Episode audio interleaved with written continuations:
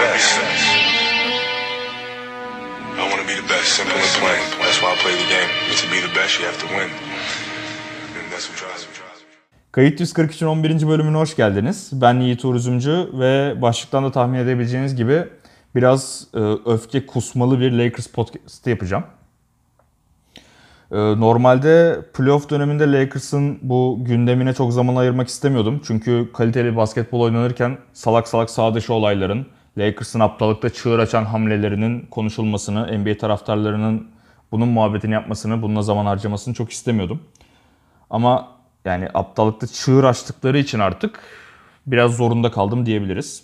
Sağ olsun beni dinleyen birkaç kişi de nerede kaldı podcast yaptı dinleyelim öfkeni kus falan tarzı yazdılar bana.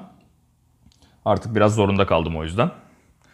Ee, öncelikle bu hikayenin başlangıcıyla geleyim. Daha doğrusu hani şu anki podcast'i kaydetme nedenimle başlayayım.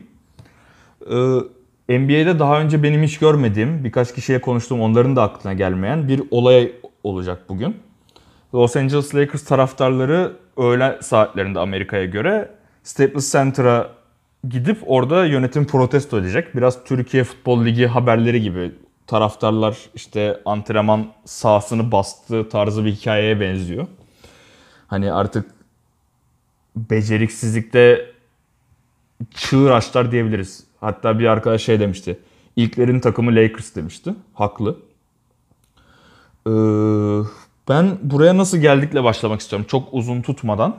Çünkü bu hikaye biraz daha hani uzaklaşıp bütün resme baktığınızda daha net belli oluyor bence. Biz Lakers taraftarları çok daha yakından takip etsek de bu gündemi bence az çok herkes biliyor. Çünkü Lakers'ın medyası hep göz önünde genel olarak. Neyse başlayalım. Buraya nasıl geldik? Buraya 2012-2013 sezonuyla geldik diyebiliriz. Hani olayların başlangıcı o sezon oldu diyebiliriz. Ondan önce de birkaç olay var ama o kadar detaya girmeye gerek yok bence. Ee, 2012-2013 sezonu pek çok NBA taraftarının da hatırlayacağı üzere Lakers'ın o süper takım muhabbetlerine girdiği son sezondu bu sezona kadar. Dwight Howard, Paul Gasol, Ron Artest, Kobe Bryant, Steve Nash'li bir kadro kurulmuştu. Şampiyonluğun en önemli favorisine dönüşmüştü Lakers. O dönemde ben de çok iyi hatırlıyorum. O zamanlar işte Lebroncu kankam Ali ile konuştuğumuzu hatırlıyorum. O şey diyordu işte. Süper takımlar çökebiliyor biliyorsun falan filan diyordu. Ben dedim ki işte tam da 4 tane adam var. 2-2 böldüğünde işte Paul Gasol, Kobe'yi yan yana oynattığında, işte Dwight Howard, Steve Nash pick and roll'ları oynadığında falan 48 dakika kaliteli bir hücum ve savunmaya sahip oluruz falan böyle inanıyordum. Takıma safça inandığım son dönem diyebiliriz ona. Ee, o dönemde Lakers kötü başladı sezona. Mike Brown kötü başlangıçtan sonra kovuldu. Sonra Phil Jackson gelmesi beklenen ana isimdi ama Phil Jackson çok fazla güç istedi yönetimden ve o dönem Jerry Bass hala takımın başındaydı. Mike D'Antoni'yi getirdi. O dönem bak tam bunu hatırlamadım şu an düşününce. Jerry Bass mı ana sorumluydu, Jim Bass mı hatırlamıyorum ama Jerry Bass ana sorumlu diyebiliriz her konuda. Mike D'Antoni geldi. Sonra o dönemde Steve Nash sakatlandı ki işte Ali örneğini vermemin nedeni buydu. Ben ona şey dediğimi çok net hatırlıyorum. Steve Nash'in sakatlığı yani Steve Nash'in sağlığı her şeyden daha önemli. İşte Dwight Howard Bynum'dan daha iyi bir oyuncu ama o kadar da önemli değil onun vereceği katkı. Artı katkı şampiyonluk için. Steve Nash en önemlisi dediğimi çok net hatırlıyorum. Ve Steve Nash ilk 5 maçta falan sakatlandı. Damian Lillard üzerine düşmüştü Kobe'ye çarpıp. Yanlış hatırlamıyorsam. Ve bacağını kırmıştı. Kaval kemiğini. Daha sonra o sezon işte Dwight Howard'ın sakatlığı falan filan derken bu sezona çok paralel bir sezon geçirmiştik. O dönemde de Kobe All-Star arası dönemlerinde ben bu takımı playoff'a sokacağım sözü vermişti. Playoff modunu açmıştı bir nevi. Ve playoff modunu cidden açtı. Ee, sahada aşil tendonunu bırakana kadar savaştı. Ve takımı cidden playoff'a soktu ama aşil tendonunu koptuğu için Lakers playoff'lara çok yetersiz bir kadroyla girdi. Ben zaten o Golden State maçından sonra başka hiçbir Lakers maçı izlemedim. O playoff'ları da izlemedim. San Antonio 4-0 süpürdü bizi doğal olarak. Ee, ondan sonra Dwight Howard rezaleti oldu. İşte Dwight Howard, Kobe atışmaları sağ içi sağ dışı. ön plana çıktı ve Dwight Howard Lakers'ta kalmak istemediğini söyledi. Ki bunun biz çok üzerine düşünmesek de NBA çevrelerinde çok önemli bir olay aslında.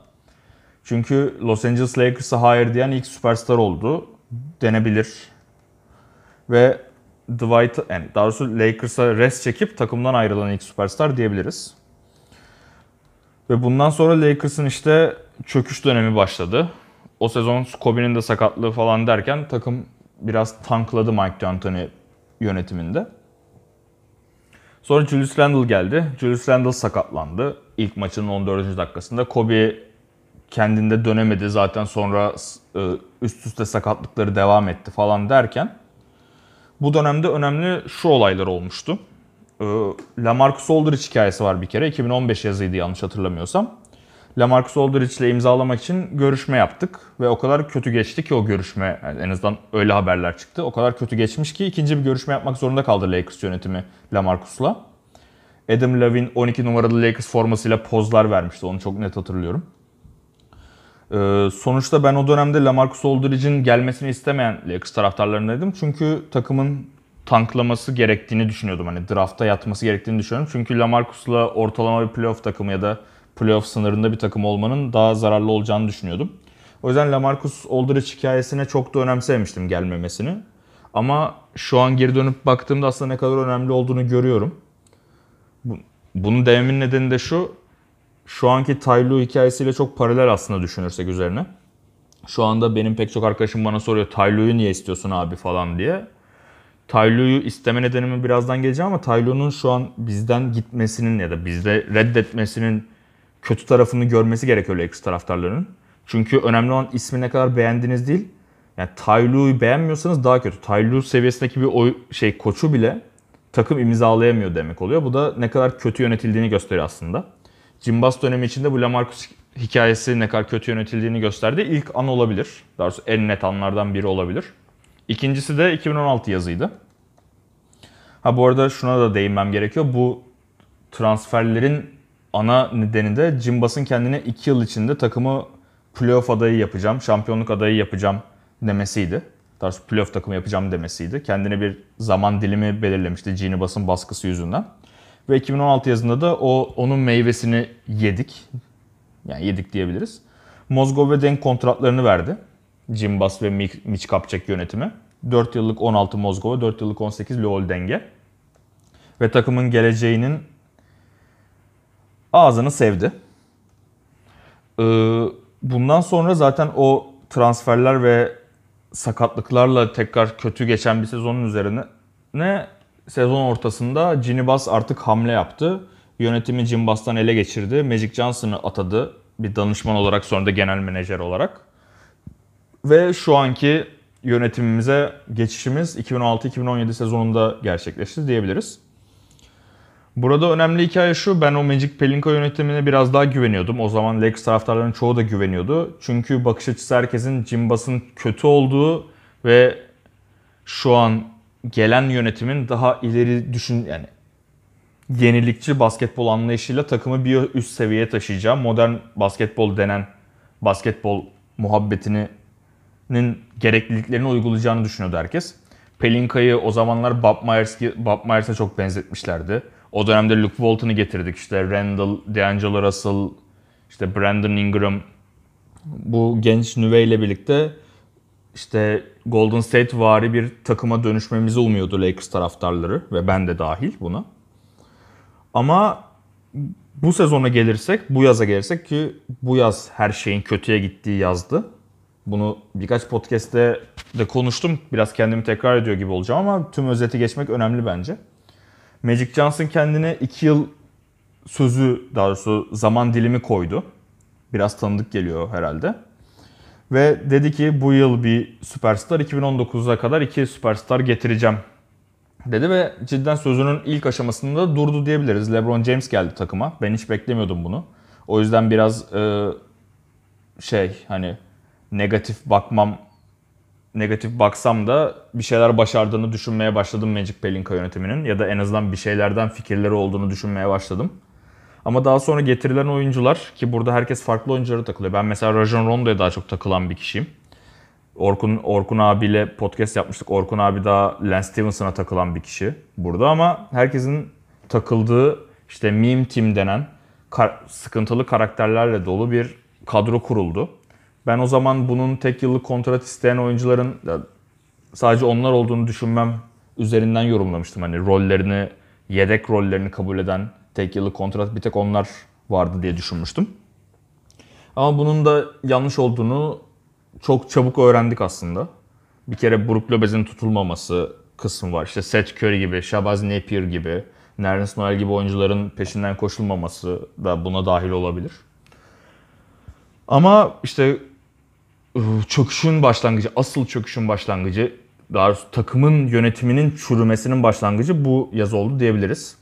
Bu yazdan sonra yavaş yavaş işte kendiyle çelişen tarzda hareketler yapan bir yönetime sahip olduk.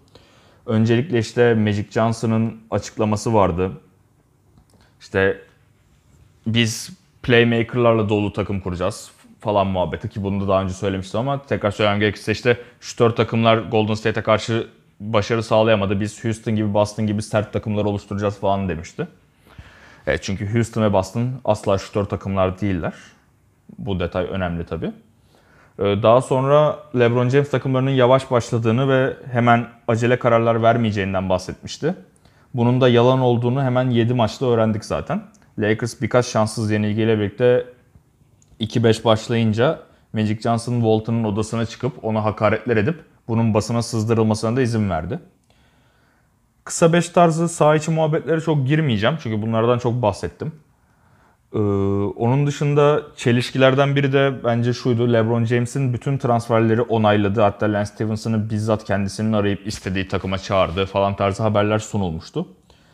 Ee, bunun haberini çok internette arayıp bulamadım ama pek çok yorumcudan dinlediğim kadarıyla LeBron James'e bu işte bu playmaker'lar, oyun kurucular planı hakkında şu an ne düşünüyorsun dendiğinde ağzından osuruk sesi çıkararak cevap vermiş LeBron James. Ki burada ben LeBron James'te biraz suçlu görsem de asıl suçlu her şekilde yönetim yani. Ee, bundan sonra gelirsek işte sakatlıklar falan filan derken takım bir debelenme, bir çöküş dönemine geçti. Bu çöküş döneminde herkes suçu birbirine atmaya başladı. İşte Luke Walton'un aslında Randall ve Brook Lopez'i tutmak istediği ama tutulmasını istediği ama Magic Johnson'ın buna onay vermediği, Pelinka yönetiminin buna onay vermediği tarzı yönetimi suçlayan haberler çıkmaya başladı. İşte Magic'in Luke Walton'un asistan seçmemesine falan laf ettiği, tecrübeli yöneticiler yani koçlar alması gerektiğini yanına söylediği ve Luke Walton'un onu kabul etmediği tarzı açıklamalar çıktı. En sonunda da rezalet ötesi bir, hani bu Davis hikayelerinde geçiyorum. Rezalet ötesi bir sezon finalinde son maçtan önce Magic Johnson yöneticiliği bıraktığını açıkladı. Yani o kadar neyse buna detaylı girmeyeceğim ya. Magic Johnson'ın istifasından sonra sezon bitiminde de Luke Walton kovuldu. Burada önemli detay da şu. Luke Walton kovulduktan bir gün sonra Sacramento Kings'in koçu olarak açıklandı. Vlade Divac tarafından. Ee, burada değinmek istediğim de şu. Takımda şu an yönetim kademesinde yetkin tek bir kişi bile yok aslında düşünürsek üstüne. Ee, neyden bahsettiğime gelirsek de Jerry Bass'ın kızı olma dışında hiçbir yetkinliği yok şu an sahip olduğu pozisyon için. Ki takım sahiplerinin çok olması gerekiyor mu gerekmiyor mu bu tartışılır ama kazanma açlığı olmadığı da biraz bariz diyebiliriz. Magic Johnson eski yöneticimizin hiçbir yöneticilik tecrübesi yoktu. Keza Rob Pelinka'nın da öyle. Luke Walton tek e, nasıl diyeyim pozisyonunu için yeterli CV'si olarak gelen adamdı. Onu kovduk. Şu an Kurt Rambis ve Linda Rambis ikilisi mafya gibi arkadan takımı yöneten ikili olarak ortaya çıkmaya başladı. Kurt Rambis'e gelsek de Kurt Rambis eski bir Phil Jackson asistanı ve 80'lerde de Showtime Lakers'ın bir oyuncusu. Linda Rambis de onun karısı ve Ginny Bass'ın da kankasıymış. Bunları da bu sezon öğrendik. Ben yani Linda Rambis kısmını çok bilmiyordum. Ve şu an e, koç arama kısmına gelmemiz gerekiyor. Çünkü bu artık bardağı taşıran son damla oldu diyebiliriz. Ben artık tam böyle hafif hafif umutlanmaya başlamıştım. En azından Pelinka GM olsun. koçu Taylu alıp LeBron James'in istediğini yapsın takım. Çünkü LeBron James takımın varsa yani LeBron James takımındaysa LeBron James'in istedikleri olacak. Bu çok normal bir şey. Bunu artık kabullendim. Ben direkt LeBron James Lakers'a gelmesin taraftaydım ama şu an takımı için iyi giden tek şey falan bile diyebileceğim konuma düştüm yani. Özellikle Lonzo'nun sakatlıkları, Brandon Ingram'ın işte trombüsü falan derken. Koç adaylarına geldiğimizde en başta koç adayları listemiz Monty Williams, Ty Lue ve Juwan Howard üçlüsüydü. Benim bu üçlü arasında en takıma uygun olduğunu düşündüğüm kişi Tyron Lue'ydu. Pek çok kişinin aksine. Ee, Wojnarowski ve o tarz habercilerin açıklamasına göre Twitter habercilerinin açıklamasına göre favori Monty Williams olarak geçiyordu. Ki ben bunun saçma olduğunu düşünüyordum. Çünkü Monty Williams'ın CV'si yani biraz yine böyle geriye çıkıp tüm resme baktığınızda bizim kovduğumuz Luke Walton'dan daha kaliteli bir CV'si yok. Luke Walton da e, insan ilişkileri ön planda olan bir koçtu. Monty Williams'ın da en ön plandaki özelliği insan ilişkilerinin iyi olması, işte kişilik karakterinin iyi olması ama basketbol kısmında ön plana çıkan bir özelliği var mı dediğinizde insanların çok övdüğü bir özelliği olmayan bir koç.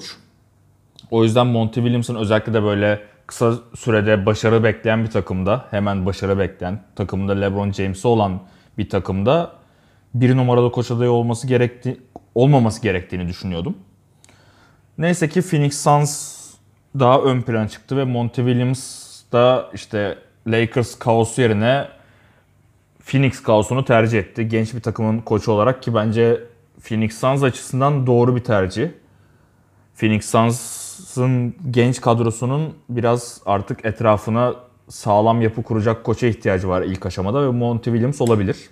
Ama Lakers'ın buna ihtiyacı yok. Lakers'ın kısa vadede iyi sonuçlar almasına ihtiyacı var ve daha basketbol bilgisiyle ön plana çıkan bir koça ihtiyacı var. Bu Taylu mu derseniz bence Taylu çünkü diyelim ki Taylu gelmiş geçmiş en kötü koç olsun. Ki ben Taylu'nun ıı, biraz nasıl diyeyim küçümsendiğini düşünüyorum. Hani iyi bir koç olduğunu da çok düşünmüyorum ama ortalama altı bir koç olduğunu da düşünmüyorum Taylu'nun. Ve geçmişine, CV'sine bakarsak LeBron James'le başarı yakalamış bir koç. Hani burada hep aynı hikayeye geliyoruz. Bunu ben söylediğimde bir LeBron hater oluyorum ama LeBron'un etrafında şeyler iyi gittiğinde bunların hepsi LeBron sayesinde oluyor. Kötü gittiğinde LeBron'a rağmen oluyor şeklinde bakamayız. Demek ki iyi bir koçu varmış ki bu takım hani finale 4 sezon üst üste final çıktı. 3'ü Ty baştayken, biri David Blatt baştayken ki David Blatt de iyi bir koçtu. Neyse. O yüzden ben Ty daha büyük bir aday olarak görüyordum. Ve işte bardağı taşıran son damla da bu oldu. Ty işte ki burada işte yine Lamarcus Aldridge hikayesinde bahsettiğim noktaya geliyoruz. Ty kötü bir koç olarak bu takıma uygun olmayan bir koç olarak görebilirsiniz ama bu kötü olarak gördüğünüz koçu bile anlaşmayı başaramayan bir yönetimi hakkında artık böyle hakaret içerikleri düşünmemiz gerekiyor gibi geliyor bana. Ki zaten bu yüzden bugün Los Angeles'ta bir protesto olacak yönetime karşı. Bilmiyorum. Umarım çok kalabalık olur. Umarım 5-6 kişinin olduğu sonra çıkışta bira içmeye gittikleri bir şey olmaz. Ramazan ayında da bira dedim. Ayıp oldu. Alkol dostunuz değildir. Neyse. Ee, burada işte bu Taylu ile bile imzalanma hikayesine gelirsek de imzalayamamalarının nedenlerine gelirsek de komik nedene gelelim. Asistan ekibine artık koç olarak düşünmediklerini açıkladıkları Jason Kidd'lik e, bu yönetimde de facto yönetici olarak çalışan Kurt Rambis'in Tylo'nun staffına sokulmak istenmesi ön planda. Bu saçma nedendi bence ve hatta Tylo'nun Jason Kidd'in staffında olmasına okey verdiği bile söylendi. Ama asıl en büyük neden 3 yıllık kontrat teklif etmesi Lakers'ın. Ki burada da biraz detaya girmemiz gerekiyor. Ee, Cinibas yönetiminin Taylu'ya sıcak bakmamasının en büyük nedeni olarak gösterilen şey en azından sosyal medyada bu Wojlar tarafından açıklanan neden Lakers'ın LeBron yönet LeBron tarafından yönetilen bir takım algısı ortaya çıkması istenmemesiydi. Hani LeBron yönetiyor denmesin istiyor Cinibas. Cinibas'ın yönettiği söylensin istiyor. Yani kredi almak istiyor ama nefreti yani nasıl diyeyim onun getirdiği sorumluluklara yapmak istemiyor. Hiçbir iş yapmak istemiyor anladığım kadarıyla. Neyse. Cinibas'a sallamak için girmemiştim bu konuya. Ee, ama Ty LeBron koçu olarak gelmeyeceği ve Lakers'ın istediği koç olarak geleceğini düşünmesini istiyorsanız etrafınızdaki insanların herkesin e, yeni bir koça verdiği 5 yıllık kontratı verirsiniz. Ama Lakers 3 yıllık kontrat teklif ediyor Ty ve LeBron'la denk bir zaman dilimine getirmeye çalışıyor Ty Lue'yu. da ben sadece LeBron koçu değilim. Ben LeBron'dan ayrı da iyi bir koçum diye düşünüyor ki bence ne kadar doğru bilmiyorum.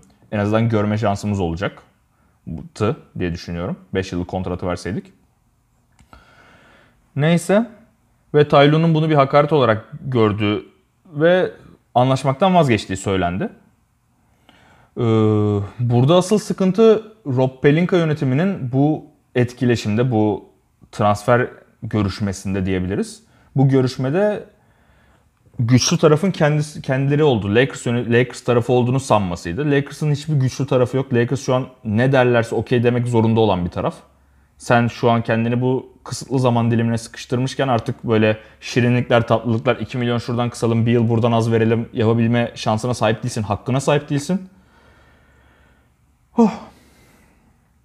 Öyle diyelim. Ve bunun üzerine de protestolar başlıyor işte artık. Burada benim pozitif baktığım bir durum var. Lakers şımarıklı olarak gözüken, işte Lakers her zaman tepeye oynar, Lakers her zaman süperstara sahip olur tarzı bakışın burada pozitif olacağını düşünüyorum ben. Çünkü New York Knicks benzetmesi bence en doğru benzetme. Ne kadar Knicks'li arkadaşlarım bana kızsa da bu konuda. Ve Lakers'ın çok daha son 20 yılda çok daha başarılı bir franchise olduğu için de takım taraftarları başarılı takımın ne demek olduğunu biliyor ve böyle salakça hareketler yaptığında daha fazla tepki gösteriyorlar. Umarım bu bunun sonucu Ginny Bass'ın ya takım yönetiminin Joey Jesse Bass tarzı daha ileri görüşlü, açık görüşlü ve eleştiriye açık gözüken en azından şu an öyle gözüküyorlar. Yöneticilere bırakması ya takımı satması olur.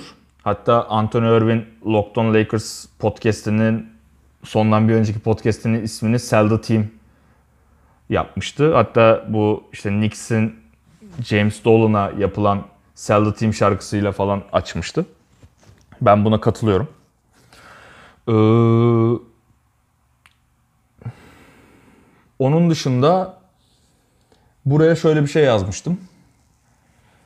İkinci başlık olarak. Her şey çok güzel olacak mı? Artık ben Lakers hakkında hiçbir şeyin güzel olacağını düşünmüyorum. Son umudum bu stabilleşme döneminin gerçekleşmesi ve LeBron'un Kava'yı allem edip kallem edip getirmesiydi. Ama gördüğümüz üzere bu kadar basit işleri bile yani sallayacağım, tutuyorum kendimi çünkü yapmak istemediğim bir şey bu. Sallağımı duymak isteyenler üzülüyordur belki bilemiyorum. Ama burada hakaret içerikleri çok kullanmak istemiyorum. Yani satsınlar takımı ya.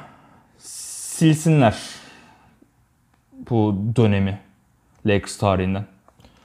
Sorulara geçiyorum. Berkay Küçük'ün sorusu. Brett Brown'un kovulma ihtimalinin göz önüne alırsan Brown'un Ginny Bass'ın hakkındaki isimlerden biri olduğunu düşünüyor musun demiş. Böyle bir dedikodu hiç çıkmadı. Bunu e, Cranges Make Basketball var. Bir e, nasıl diyeyim? Lakers taraftarı ve aynı zamanda gelişmiş istatistiklerle de uğraşmayı seven bir hesap. Twitter hesabı. O biraz daha Brett Brown hikayesine sıcak bakıyor. O yazının tamamını okuyacağım demişti ama çok uzundu ve okuyamadım podcast'e girmeden önce. Neden Brett Brown'a çok sıcak baktığını bilmiyorum. Ben Brett Brown'un abartıldığı kadar kötü bir koç olduğunu düşünmüyorum. Ama şu an nasıl diyeyim?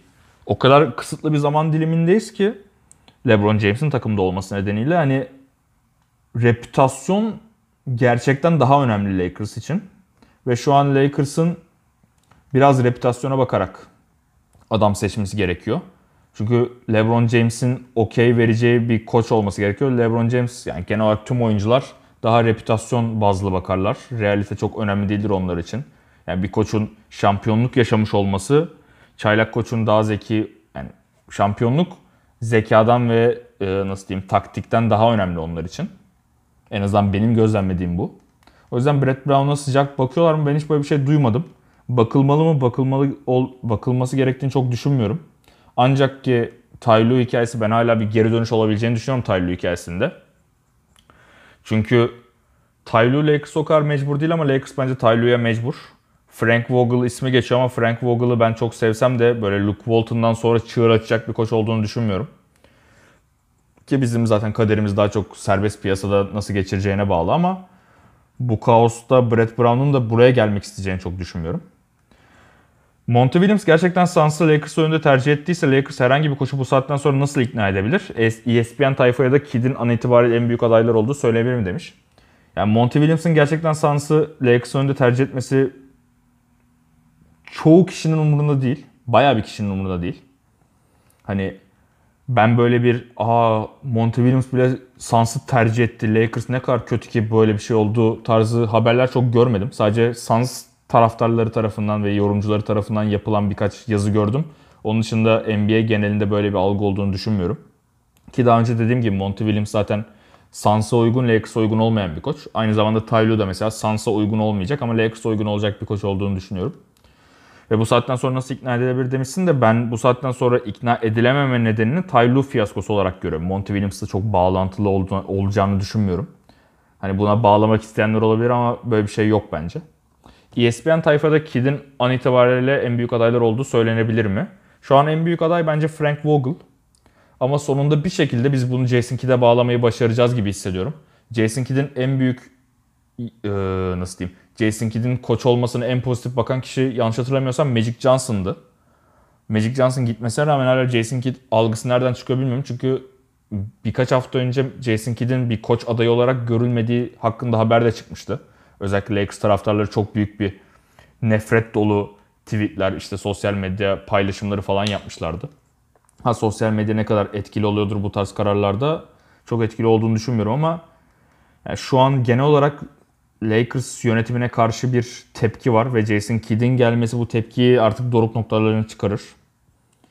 Ama yani bunu söyledim mi hatırlamıyorum. Lakers ne zaman bundan daha kötü, bundan daha saçma bir şey yapamaz dese bizi şaşırtmayı başardı. Geri zekalı konusunda çığır açmayı başardılar. Jason Kidd'i de alabiliriz ya koç olarak. Beklerim yani.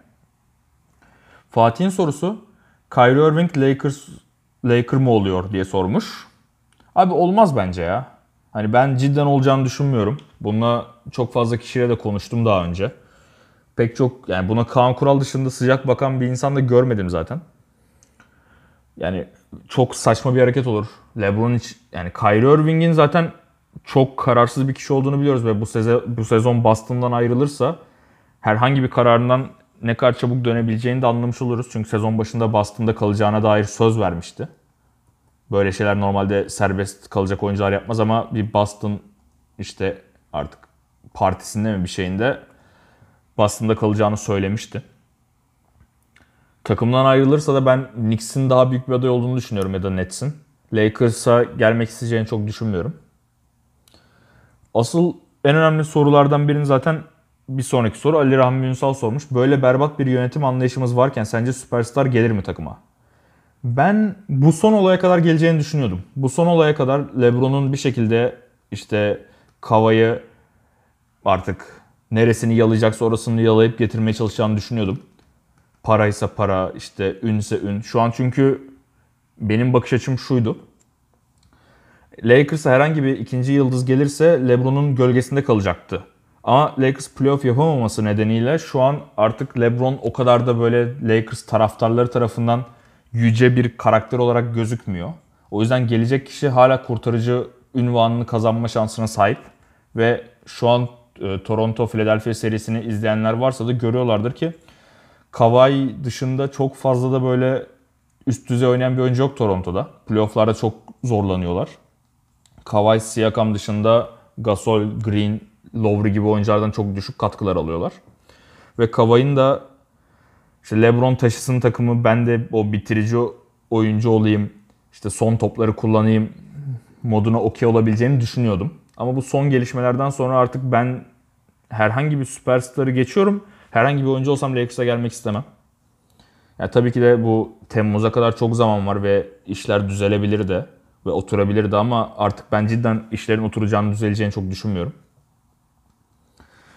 Uğur Kızılkuş sormuş. Olası bir LeBron takasında 34 yaşındaki LeBron karşında en iyi oyuncudan en iyi en iyi 10 oyuncudan birini alabilir miyiz? Alamayız.